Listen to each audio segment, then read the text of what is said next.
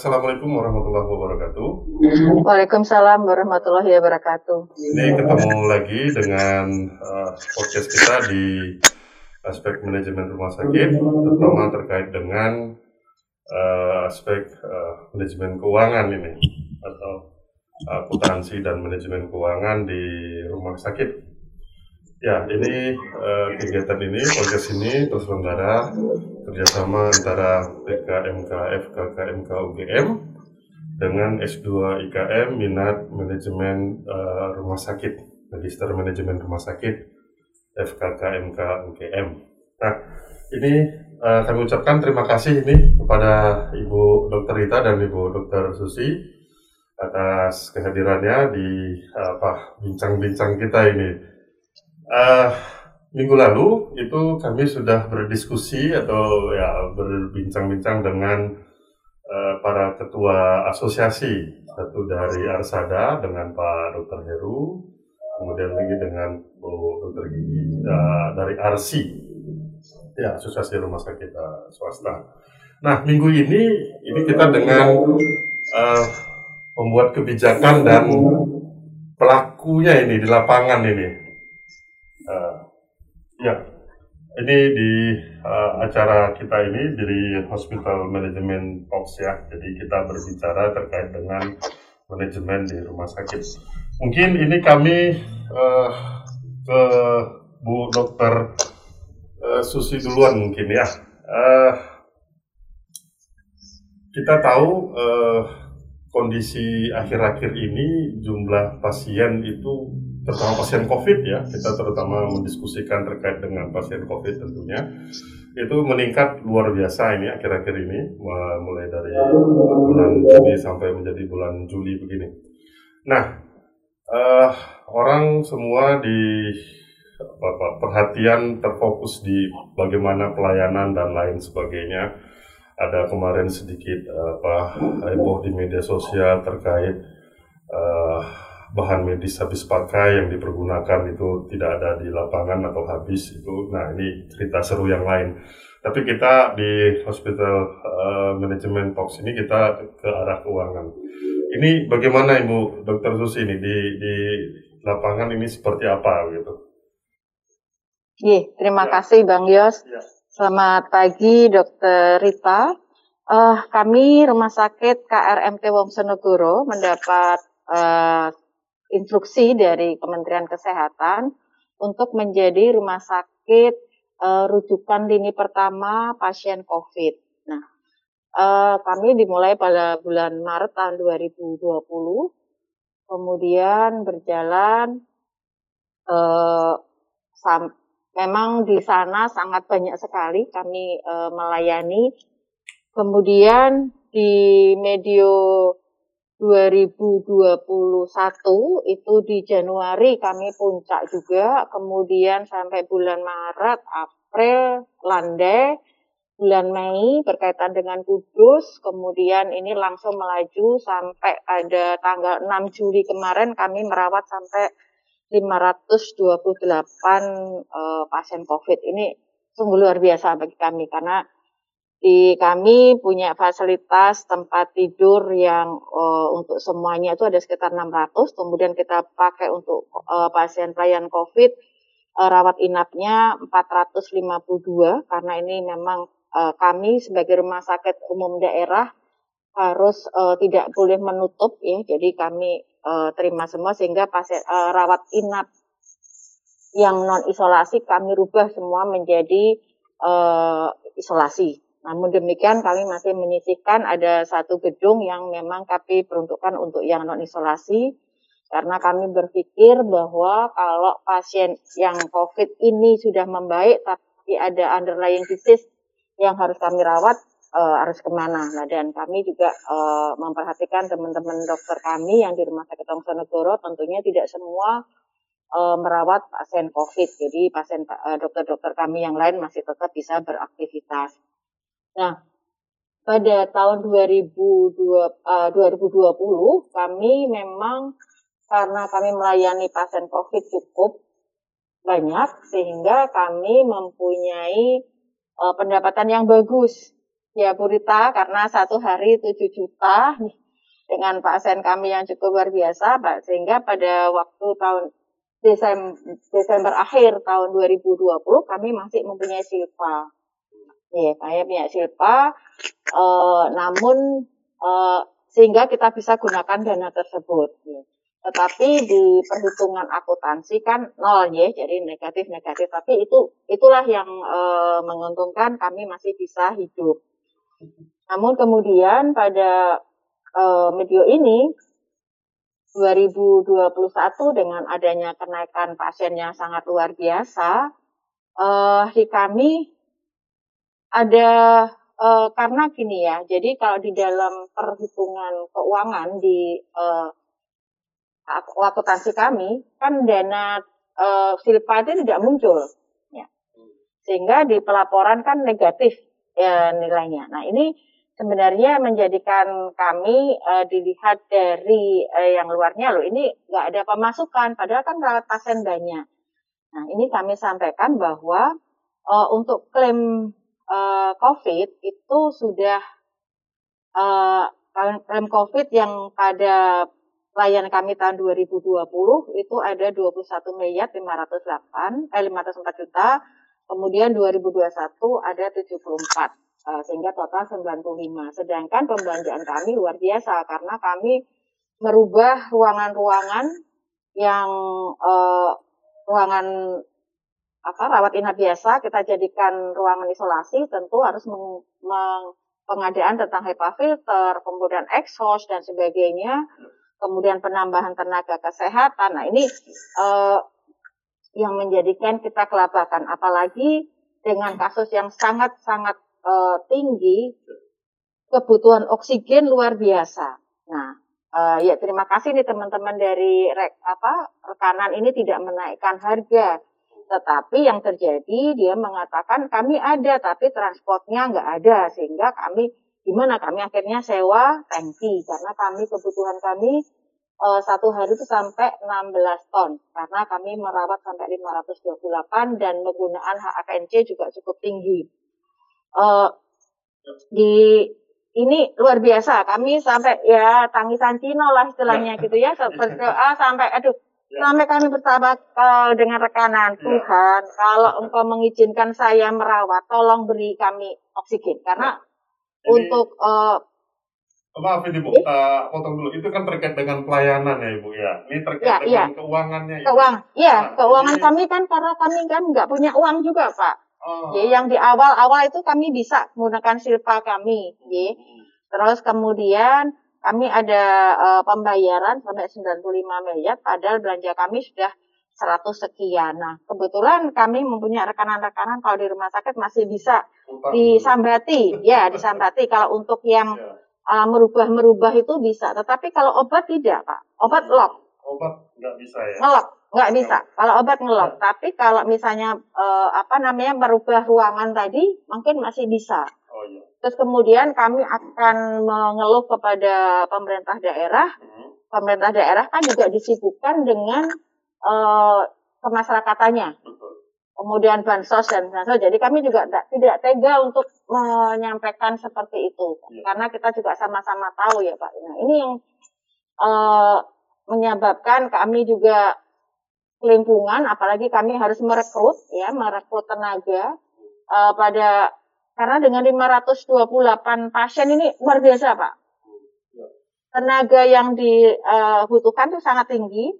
Kemudian juga kami akhirnya dapat relawan, relawan dari uh, apa suatu institusi, tapi kami kan harus membiayai juga, kasih makan, kemudian tempat penginapan. Nah ini yang menjadikan kita uh, mungkin ya, tapi kami berupaya lah sebaik sebatas uh, semampu kami, seba, semaksimal sampai teman-teman kami yang harusnya ada jaga terus kemudian libur itu kami tidak liburkan tolong kami karena kami nggak bisa ngerekut lagi. Jadi jenengan tolong ini untuk lebih lagi. Saya sampaikan itu yang zaman dulu itu perang berdarah-darah sampai nyawa. Ini penjenengan cuma ya tidak tidak libur gitu. Tapi ini sebenarnya tidak menjadikan uh, apa mutu mungkin akan turun ya karena dengan banyak ini terus kemudian tidak ada hal-hal yang bisa kita lakukan untuk uh, apa untuk mereka pelayanan mutu tentu akan turun itu pak. Jadi ya. total tentu kita terkait uh, COVID ini ya bu ya. Ya, COVID ini. Total tagihan COVID di tahun 2020 itu sebesar 21 m, benar ya bu ya? Ya, itu yang ter, uh, itu yang belum yang terbayarkan di tahun 2020, Pak. Kalau oh. total kami Bukan. Uh, oh, ya cukup banyak. Total 2020 berapa jadinya itu? Eh, total 2020 kami sampai di atas 100, Pak. Di atas 100? Iya, di atas 100. Tapi ini kemudian kan ada bulan Desember atau bulan-bulan yang lalu belum terbayarkan. Nah, ini dibayarkan di bulan eh, tahun 2021.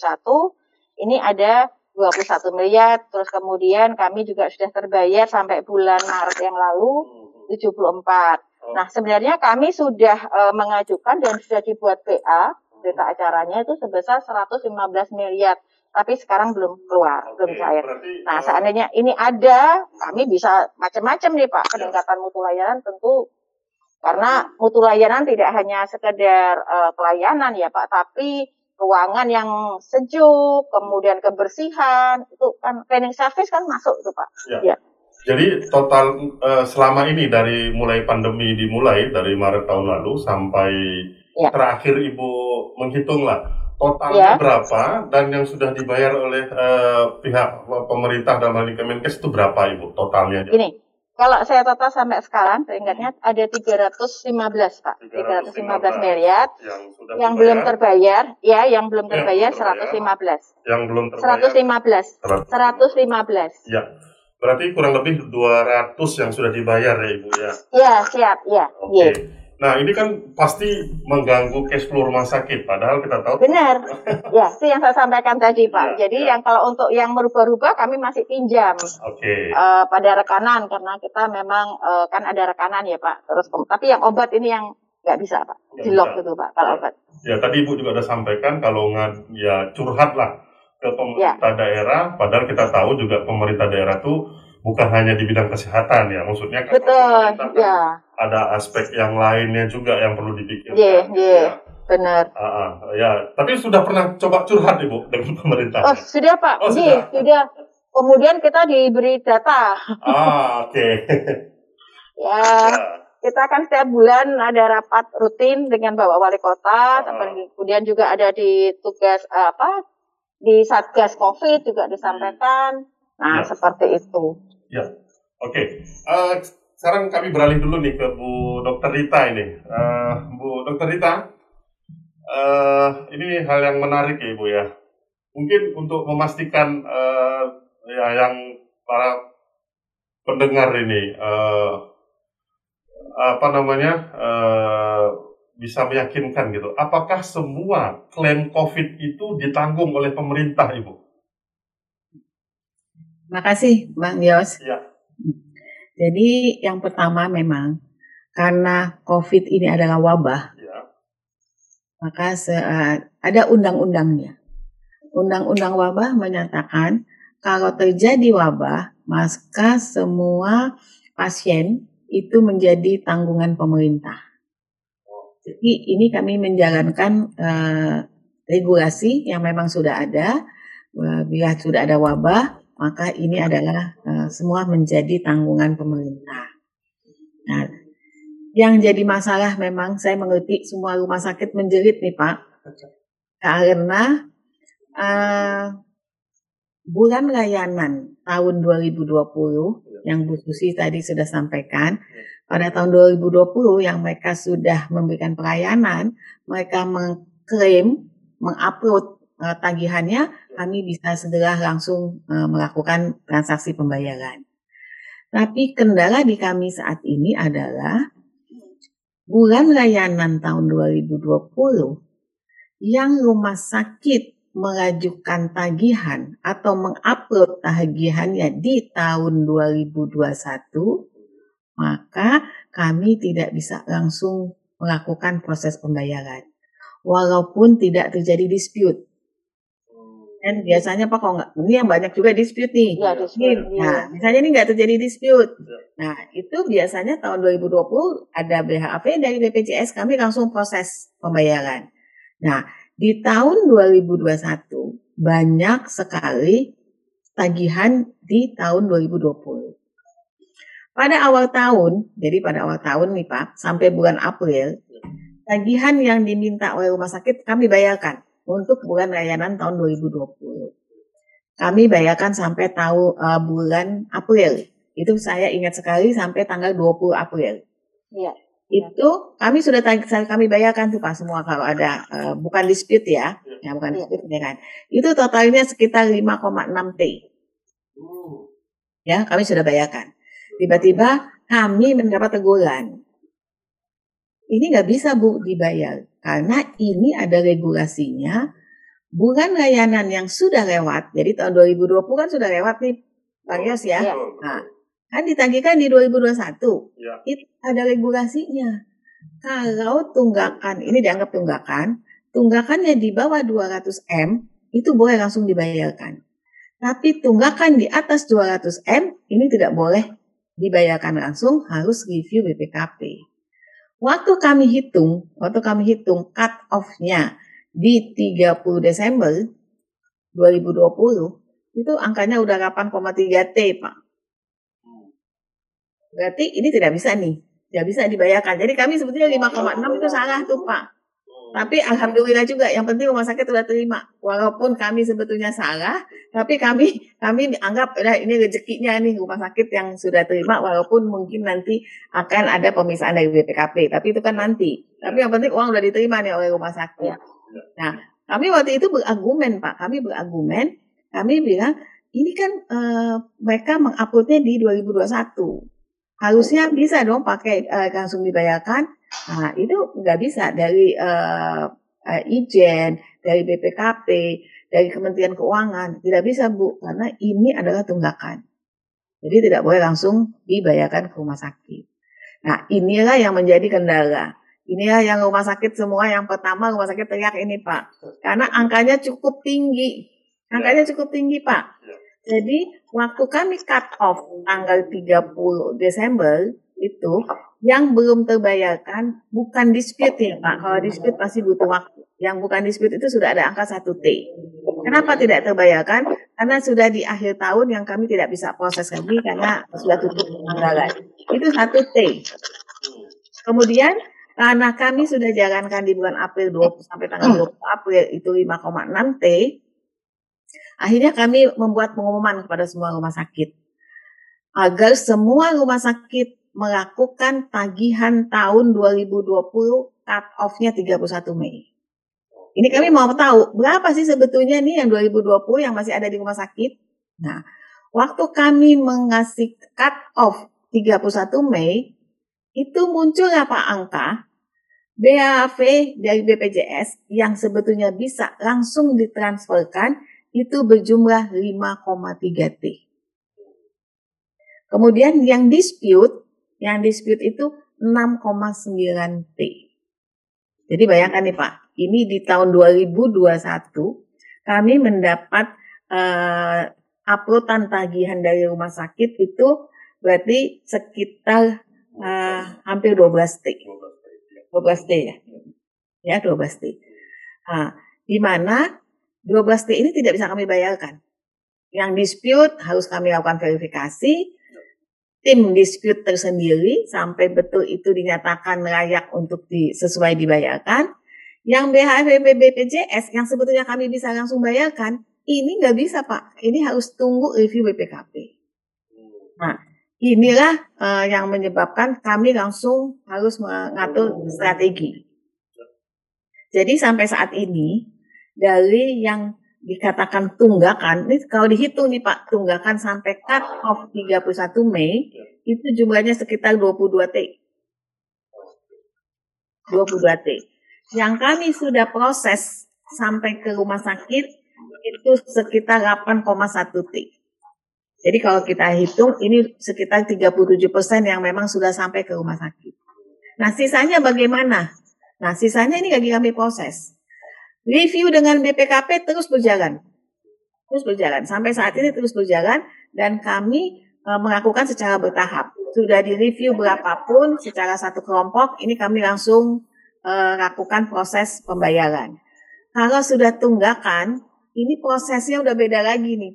Nih Bu Susi ini saya mungkin cerita ya. Kalau Siap, prosesnya, aduh lebih ribet lagi.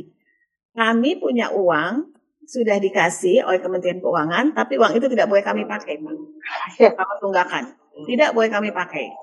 Kalau sudah selesai review dari BPKP, sudah di ACC oleh BPKP, kami harus lapor. Ini uang, eh, ini anggaran sekian sudah di ACC BPKP. Berarti kami harus minta izin dulu Pak ke Kementerian Keuangan, walaupun uangnya sudah ada. Ini istilahnya buka blokir. Ini, ini, ini yang yang serunya bu, uangnya ada kan gitu ya?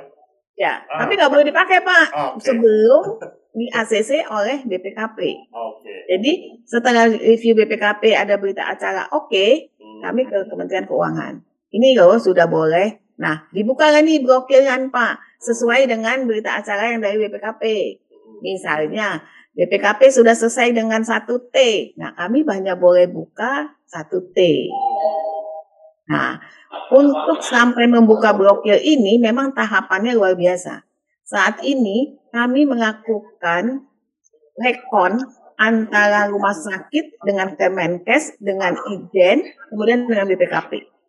Bapak bayangkan, jadi kita harus des. Mungkin Bu Susi sudah mengalami juga ada des dari Kementerian Kesehatan. Ya, ya, ya. Kami lakukan semua rumah sakit, Pak. Jadi memang ini uh, tidak mudah.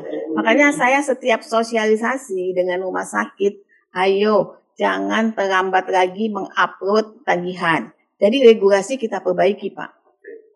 Regulasi yang pertama, itu tidak ada batasan kapan saja boleh menagihkan uh, tagihan sampai selesai pandemi. Nah, saat ini kami kami cut sudah regulasinya kami perbaiki. Untuk tahun 2021 ini diminta rumah sakit maksimal dua bulan dua bulan pelayanan. Ini karena ya. terjadinya seperti ini, Pak. Kami nggak mau ini terjadi lagi. Ya. Kaminya juga jadi uh, prosesnya lambat, rumah sakit juga teriak Uh, maaf, ya. saya potong dulu. Dua bulan setelah memberikan pelayanan. Iya. Oke. Okay. Ya. Nah, kalau lebih gimana, Bu? Nah, itu expire, Pak. Kadar luarsa. Nggak dibayar berarti? Ya, ini kita harus kerja keras. Tapi memang harus begitu, Bu. Kalau enggak itu terlena, teman-teman. Iya, saya nggak mau terjadi lagi, Bu. Seperti ya, benar. Berarti kalau ya, lebih ya, dari dua bulan, selesai gitu ya, Bu ya? Ya, ya salahnya, tapi ya, kayak di teman-teman juga berupaya dengan aplikasi kami, Pak. Okay. Kalau ya. aplikasi kami ada masalah, kami bisa perpanjang. Oh, ya. Ya. Nah, ini juga harus lihat gitu. Oh, ya. Seperti Berarti, sekarang nih, ya. di aplikasi ada masalah, kami perpanjang. Oke. Ya. Pak Yos, mohon maaf saya potong. Sebenarnya kalau dengan Kementerian Kesehatan kami yakin, kalau dengan BPJS yang lalu itu Pak yang kami stres. Ya Bu. Ya. Nah, ini Bu Dokter Susi curcol ini namanya ini. Iya, kalau di ini kan memang bisa memahami kami kalau di BPJS itu kan sangat sulit nggak mau tahu apa yang nanti ya, kita ya. bikin sesi uh, hospital talks management khusus uh, klaim BPJS mungkin ya Bu Dokter Susi ya. Ini mungkin seru. Susi dalam. Mungkin pengalaman kita ya, bukan hanya yeah. COVID aja, JKN Betul. juga Pak, sama oh, Pak. Oh, setengah mati Kak dengan BPJS. Ya, ya. oke. Okay. Ya. Bu Dokter Rita nih saya tanya, ini ada yang menarik sebenarnya dari angka-angka yang Bu Dokter Rita sebutkan tadi. Karena kalau kami lihat ini dispute-nya cukup tinggi ini Bu. Ya. 6, 6 T lebih kan gitu ya. Nah ini ya. Kalau boleh di sampaikan ini Bu. Ini masalahnya sebenarnya apa sih kok bisa menjadi dispute gitu loh? Nah. Mungkin ya, ini Pak. dari kami Pak yang jawab. Tunggu. Karena yang pelakunya kami. Sabar dulu Bu. Nanti, nanti pertanyaan ini juga akan diberikan ke Bu Dr. Lucy sebagai pelaku. Ini sebagai regulator dulu nih yang kita tanya ini kan gitu. Ya. Nah. Boleh Pak. Ya, ya. Uh, kita dispute tinggi itu juga jadi pertanyaan untuk kami. Hmm. Ya. Kenapa dispute tinggi? Ini apa regulasi kami yang masih harus kami perbaiki? Betul. Ataukah memang uh, alurnya yang harus diperbaiki? Ya. Jadi ini ini jadi pertanyaan kami juga. Kenapa dispute ini tinggi? Ya. Jadi memang Pak uh, regulasi ini kami revisi cukup dinamis nih Pak. Oh. Revisi regulasi itu kami lakukan bisa dengan waktu hanya berapa bulan Pak. Ya. Tujuannya apa? Adalah mempermudah rumah sakit Oke, berarti memang sudah ada apa namanya usaha dari rumah oh, dari kementerian supaya dispute ini tidak terlalu tinggi ya, karena ini angkanya cukup tinggi kalau kami lihat begitu ya Bu Dokter Rita ya. Ya. ya. Tadi seperti Bu Susi katakan, pertama muncul dispute itu dari BPJS Pak. Ya, itu. Okay. Itu pertama. Nah, sekarang kita coba silahkan Bu Dokter Susi nih. Ini kenapa kok dispute-nya tinggi sekali nih? Kan gitu ya. Apa, yeah. apa rumah sakit yeah. yang yang mohon maaf ini kita uh, tanya ini apa yang asal tulis kah atau bagaimana kah gitu. Silakan, silakan nih. Ya, benar Pak. Ini yang tadi disampaikan oleh Pak Yos mungkin bisa yang seperti tadi disampaikan bahwa Eh, kriteria-kriteria uh, yang bisa diklaimkan itu mungkin tidak terlalu diperhatikan oleh para uh, di rumah sakit sehingga uh, mereka dari BPJS kan strict ya kalau tidak sesuai dengan ini langsung coret jadi apa pun yang ini jadi uh, memang kehati-hatian dalam pengisian kemudian juga uh, mohon maaf karena banyak sekali masyarakat yang uh, memaksa untuk uh, perawatan. Nah, padahal sesuai kriteria tidak. Nah, ini kadang-kadang rumah sakit juga tidak berdaya. Hmm. Apalagi budaya lokal ya. Kalau di ini, oh harus masuk ini ini. Nah, waktu uh, diajukan tentu dispute. Kemudian itu kalau yang dari rumah sakit. Tapi ada juga, mohon maaf ini Bu Rita mungkin bisa, uh, mungkin pernah mengalami uh, para verifikator dari BPJS memang tidak memahami itu bisa. Oh. Jadi ada uh, apa bergaining begitu Pak. Jadi itu yang uh, sering terjadi juga. Kemudian kalau di awal dulu BPJS kan dengan adanya uh, apa sekarang sudah bayi IT KTP kan tidak diminta Pak. Nah, hmm. tapi kemudian dipersyaratkan dari Kemenkes akhirnya harus ada KTP. Nah, kita mencari KTP KTP ini kadang-kadang juga kesusahan, apalagi di awal bahwa pasien-pasien itu malu kalau diketahui bahwa mereka COVID. Sehingga waktu kita cari, kita tanya ke RT dan sebagainya, tidak mengaku, nggak ada. Jadi hmm. itu, itu menjadi permasalahan. Tapi kemudian ada kebijakan, e, kalau ada nama itu, terus kemudian dari Dinas Kesehatan sudah bisa meng-ACC, e, apa, untuk bahwa memang melayani pasien itu, e, kita bisa. Di awal itu KTP Pak masalah. Ya. Hmm, kemudian, hmm. ya, Kemudian ini uh, sekarang kan sekarang by anu uh, ya sistem. Nah untuk ngeklik ngekliknya itu kalau nggak sesuai ya nggak bisa pak. Itu yang menjadi dan kadang-kadang teman-teman itu uh, untuk memperbaikinya nanti dulu padahal pasien yang lainnya masih menyusul jadi semakin menumpuk jadi diskutnya semakin banyak itu pak. Ya, nah ini ke Bu Dr. Susi nih sebagai ya pelaku lah di lapangan ya, gitu. Ya, ya. pelaku. Ya. Ini dari rumah sakit 600 tempat tidur, tapi kalau kami dengar tadi yang Ibu sampaikan, ini sekitar 75 persen untuk COVID ini. 20, Betul, ya. 25 persen ya. ya kurang lebih ya itu yeah. di, untuk non covid lah kita katakan begitu. Iya yeah, betul. Nah padahal kalau covid itu tadi disampaikan oleh Bu Dokter Rita bahwa itu dibayar oleh pemerintah karena memang dalam yeah. kondisi darurat. Yeah. Oke. Okay. Nah di sisi lain yang 25% itu pun pasti pasien ibu tidak out of pocket semua pastinya. Ya, pasti semua BPJS Pak, rumah sakit ah, daerah itu BPJS, jadi, BPJS. Ya, jadi ya. ini strategi Ibu ini mungkin bisa cerita ini cash flow-nya rumah sakit dalam kondisi pasien yang luar biasa sekarang banyaknya. Sementara uh, revenue kita itu lebih banyak dalam bentuk piutang, tidak dalam bentuk kas gitu ya. Nah ini yeah. cash flow-nya rumah sakit ini gimana nih ngaturnya ini Bu? Ini jangan sampai nanti uh, rumah sakitnya ya apa namanya ya berdarah-darah atau kolaps gitu secara finansial, secara finansial ya bukan rumah sakitnya sih, tapi yeah. secara finansial nanti bisa kesulitan. Ini gimana nih Bu, Dokter Susi? Ya Pak, jadi begini, uh, untuk suatu mutu layanan itu kan harus SDM-nya bagus, yeah.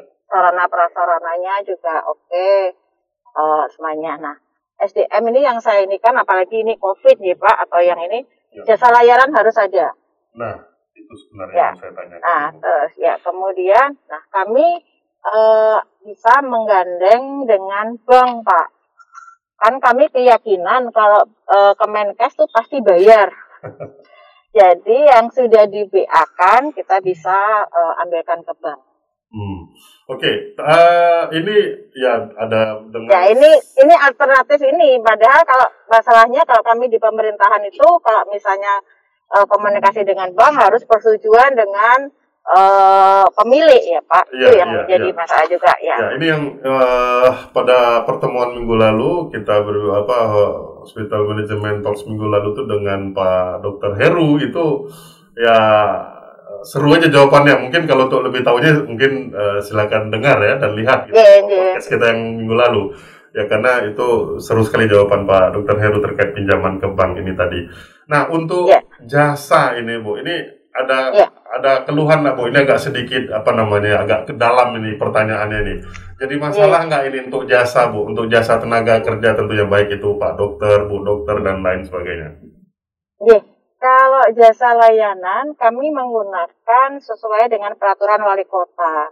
Jadi berapapun yang dibayarkan oleh BPJS maupun uh, Kemenkes itu uh, tidak mempengaruhi besarannya Pak. Jadi misalnya kami di uh, kalau pasien ini kan di ruang isolasi. Hmm. Nah jasa layanan ruang isolasi peraturan wali kota kita berapa? Nah hitungannya oh, seperti itu. Enggak, maksudnya itu karena efek tadi yang kurang lebih 100 miliar belum dibayar ini loh Bu oleh uh, apa namanya? Iya iya. Kita ini Oh iya iya iya Pak. Bukan nominalnya, bukan bukan bukan nominalnya Bu, tapi Oh iya iya iya. Jangan-jangan bulan Oktober tahun lalu belum dibayar nih jasanya Bu. Jangan-jangan gitu. Oh iya. Pak, kami tadi sampaikan bahwa kami adalah uh, menget, apa memahami dan menyadari karena kami juga uh, sebagai dokter hmm. uh, harus terbayar Pak karena terbayar. mereka sudah bekerja sudah ya. sedemikian ini kan bekerja tidak hanya bekerja tapi juga omelan dari pasien, keluhan-keluhan dari masyarakat itu kan kita bayar tinggi ya Pak. Jadi deg-degannya apa kemudian kalau nanti ada keluarga dari siapa siapa itu kan harus ekstra juga ya. ya. Nah itu yang kita ini karena ini uh, kita penuhi dengan cara peminjam Pak. Oh, Oke. Okay. Jadi eh, untuk jasa nggak maksudnya terbayarkan lah ya gitu. Ya karena kami sudah pengalaman di tahun 2019. 2019 akhir BPJS itu kan uh, defisit. Padahal waktu itu kami membangun uh, gedung, kemudian juga uh, apa namanya pembiayaan-pembiayaan yang lain. Nah itu saya nangis ke Pak Menteri Dalam Negeri waktu itu Pak, Pak Sekjen. Karena di akhir Oktober uh, apa defisitnya yang kita tidak terbayar banyak itu Padahal kalau kami pinjam itu kan dalam jangka satu tahun berjalan. Nah, kalau kami pinjam bulan Oktober harus bayar Desember, sedangkan BPJS tidak ada kejelasan. Coba gimana, Pak? Ketentuannya kan begitu. Ya, ya. Jadi satu tahun itu harus terbayar. Nah, bank-bank lain nggak ada yang mau memberi karena tidak ada kejelasan kapan dibayarnya. Karena kalau mereka sampai tidak sukses kami membayar di akhir tahun, mereka juga dapat nilai jelek di banknya karena kan tidak bagus di apa ininya ya. kemarin seperti itu. Akhirnya kami e, dibantu mengikuti dari Kemenkes dengan mandiri. Mandiri bisa. Nah tapi nanti judulnya seperti itu e, kemudian nanti adendum lagi. Jadi ini perjuangan berat sekali waktu itu. Kami dari tahun 2019 itu Pak pengalaman itu terus sehingga uh, berikut-berikutnya kalau ada masalah kami kalau sudah di BA dan jelas kami bisa sounding dengan bank. Oke. Okay. Ini saya beralih ke Bu Dr. Rita ini. Ini ada yang menarik tadi bahwa aturan-aturannya selalu diupdate untuk bisa memudahkan rumah sakit dalam melakukan klaim. Begitu ya Bu Dr. Rita ya. Nah, tapi ada sisi lain ini yang kami pengen tahu. Yang tagihan 2020 yang harus dilakukan review oleh BPKP, apakah itu juga ada time frame-nya, Bu? Kapan harus uh, selesai gitu? Karena ini rumah sakit juga kemarin minggu lalu dari RC dan Arsada sendiri juga mengatakan bahwa ya sebenarnya rumah sakit sudah ya sudah goyang juga gitu secara finansial mungkin. Ini gimana Bu, dokter? Ya, ya Bang Yos, kami sebetulnya ini sudah buat time frame-nya juga Pak. Jadi untuk BHAP BPJS yang sebetulnya ini tidak bermasalah, hmm. kami sini sudah sudah kejar waktu. Kami harapkan sebetulnya 31 Juli ini selesai. Tapi, nah, tapi nih Bu, nih, tapi ada Bu M darurat, kami ini nggak bisa iya. bekerja maksimal. Iya, kami iya. biasanya kumpul Pak, kami kumpul di satu tempat itu kerja sampai jam 10, jam 11 malam. Nah, saat ini, ini jadi menurun nih kinerja kami. Karena kami tidak berani lagi, karena banyak uh, SDM kami yang jadi COVID. Ya, ya. Nah, ini ini agak turun nih. Mudah-mudahan Bu Susi ini ya. PPKM daruratnya selesai ya. tanggal 25 ya. Ya, mudah-mudahan setengah lagi nih. Ya. Kita yes, mulai ya. lagi. Itu yang pertama yang BHP BPJS okay, ya. Nah, yang dispute Pak, dispute juga ini nggak main-main. Dispute ini luar biasa. Kami sudah membuka, eh membentuk TPKD provinsi. Oh. Ya. Nah, TPKD provinsi ini kami kasih target Pak, empat minggu selesai. Karena klaimnya luar biasa Pak banyaknya. Bukan seribu, dua ribu Pak, puluhan ribu klaimnya. Jadi kami keroyok nih ceritanya Pak. Kami akan keroyok. Setiap provinsi kami bentuk.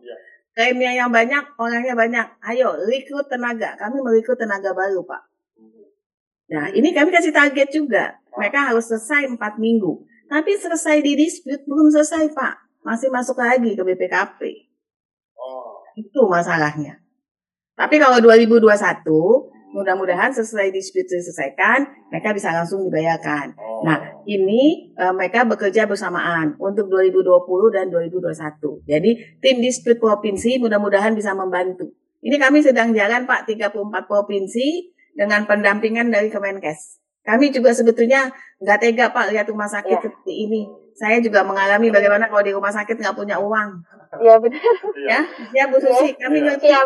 Kami gimana ya. mau me, ininya, ya. mau menabas aturan nanti kami salah Pak. Betul, ya. ya. kebetulan kan Dewan Pengawas kami Dokter Bambang Bu Rita, jadi beliau sangat konsen terus.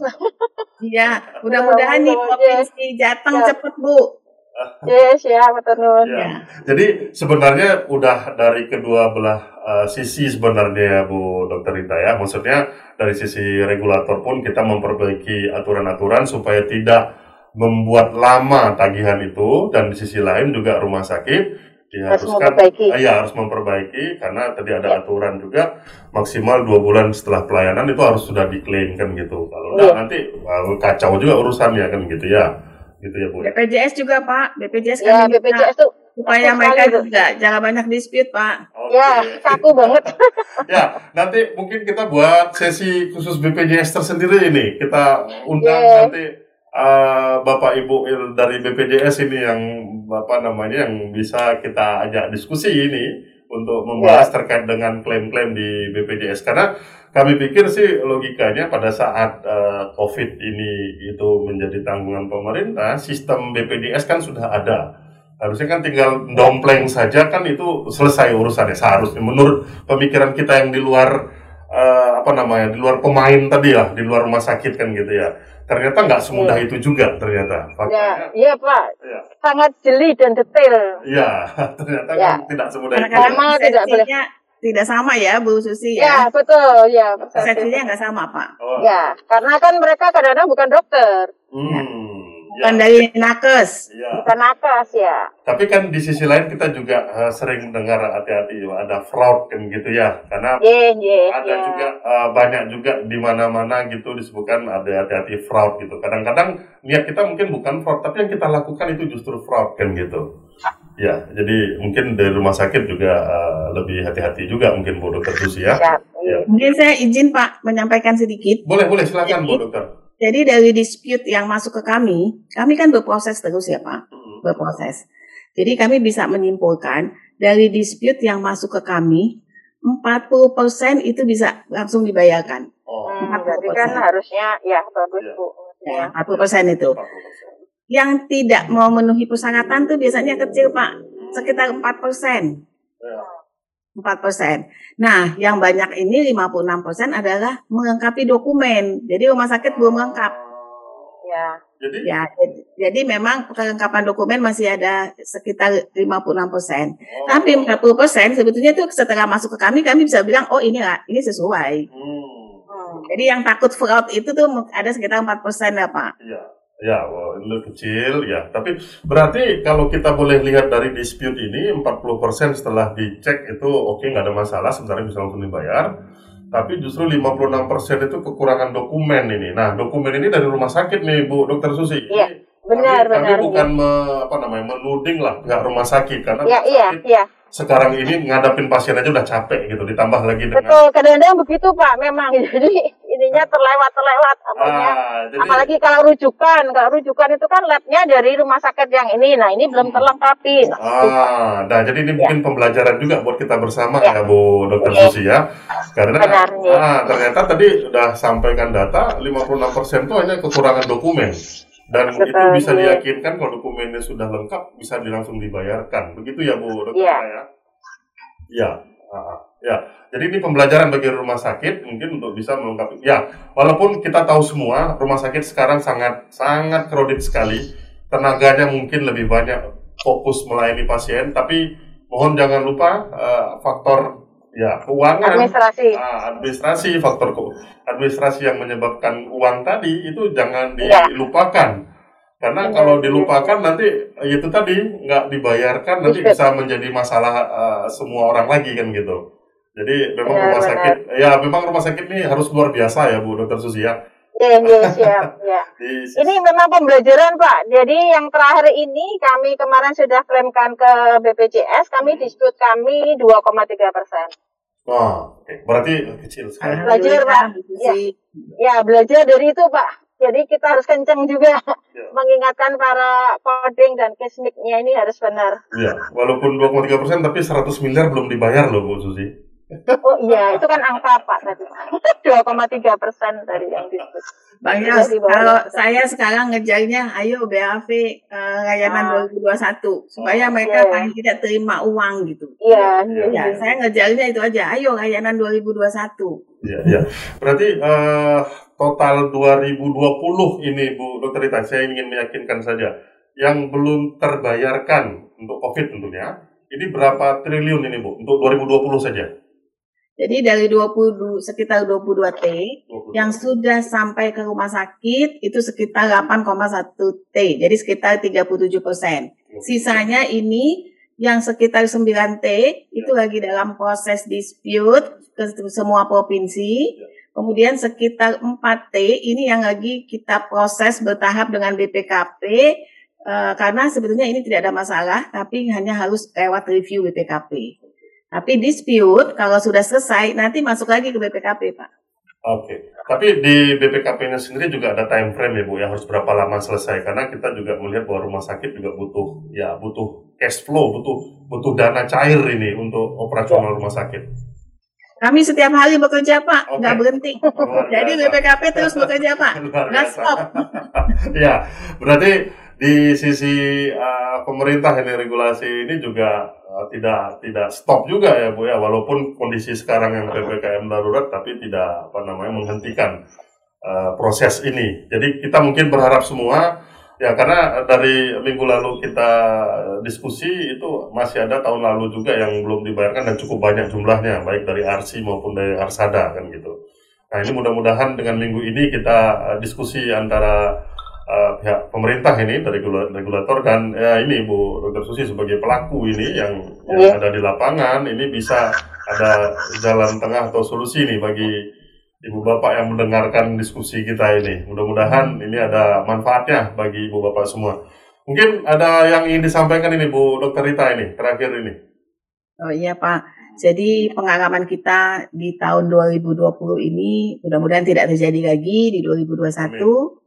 Makanya kita semua sama harus memperbaiki baik kami dari pusat regulasinya, kemudian BPJS dan rumah sakit. Jadi memang kita semua harus bekerja sama supaya eh, tidak terjadi dispute-dispute lagi, Pak. Kalau tidak ada dispute, mudah-mudahan semua lancar. Sehingga tidak akan ada lagi tunggakan yang harus di eh, review oleh BPKP. Mudah-mudahan tahun 2021 ini menjadi lebih baik. 2020 adalah pelajaran yang paling berharga. Ya, oke. Dari Bu Dr. Susi, ada kira-kira ingin disampaikan nih curhat ini Bu? Ya, terima kasih. Jadi memang tadi sampaikan oleh Bu Dr. Rita benar. Jadi kita harus disiplin dan tadi memperhatikan kaidah-kaidah yang berlaku karena aturan-aturan kan berjalan dan itu eh, ada perubahan-perubahan harus diikuti sehingga kita bisa eh, mengajukan klaim dengan eh, baik sesuai dengan ketentuan dan jangan bosan untuk mengecek kembali karena eh, itu sebenarnya adalah kesalahan dari kita sendiri kalau misalnya ada dispute. Kami juga menyadari Pak bahwa ini adalah uh, kesan dari rumah sakit. Memang iya, dan ini, makanya ini jadi manajemen harus benar-benar uh, kencang di bagian di bawah, tidak dibiarkan begitu saja, harus selalu terkontrol dan terreport dengan baik.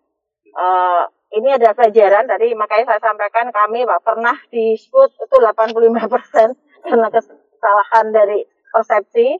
Kemudian yang terakhir ini mudah-mudahan kami uh, bisa di bawah 5 persen untuk disputnya. Ya. Ya. Terima okay. kasih. Baik, terima kasih. Ini uh, diskusi bincang-bincang kita uh, pada kesempatan kali ini. Terima kasih sekali lagi kepada Bu Dr. Rita dari Kemenkes dan kepada Bu Dr. Susi dari Rumah Sakit Kota Semarang ya Bu ya. Iya, Kota Semarang. Kota Semarang berarti punya Pemko ya. Ya. Ya, oke baik terima kasih. Ini pembelajaran kita semua. Silakan uh, diambil yang uh, berguna untuk ibu bapak semuanya. Tapi kami rasa ini semua banyak manfaatnya tadi yang sudah disampaikan oleh Bu Dr. Rita dan Bu Dr. Susi. Uh, terakhir, terima kasih sekali lagi kepada Bu Dokter, Bu Dr. Susi, Bu Dr. Rita atas diskusi kita pagi ini. Assalamualaikum warahmatullahi wabarakatuh. Sampai. Waalaikumsalam. Terima kasih. Terima kasih. Terima kasih Bu Rita. Semuanya salam sehat. Ya, semoga sehat-sehat semua. Amin. Terima kasih. Hati-hati Bu Susi. Hati-hati.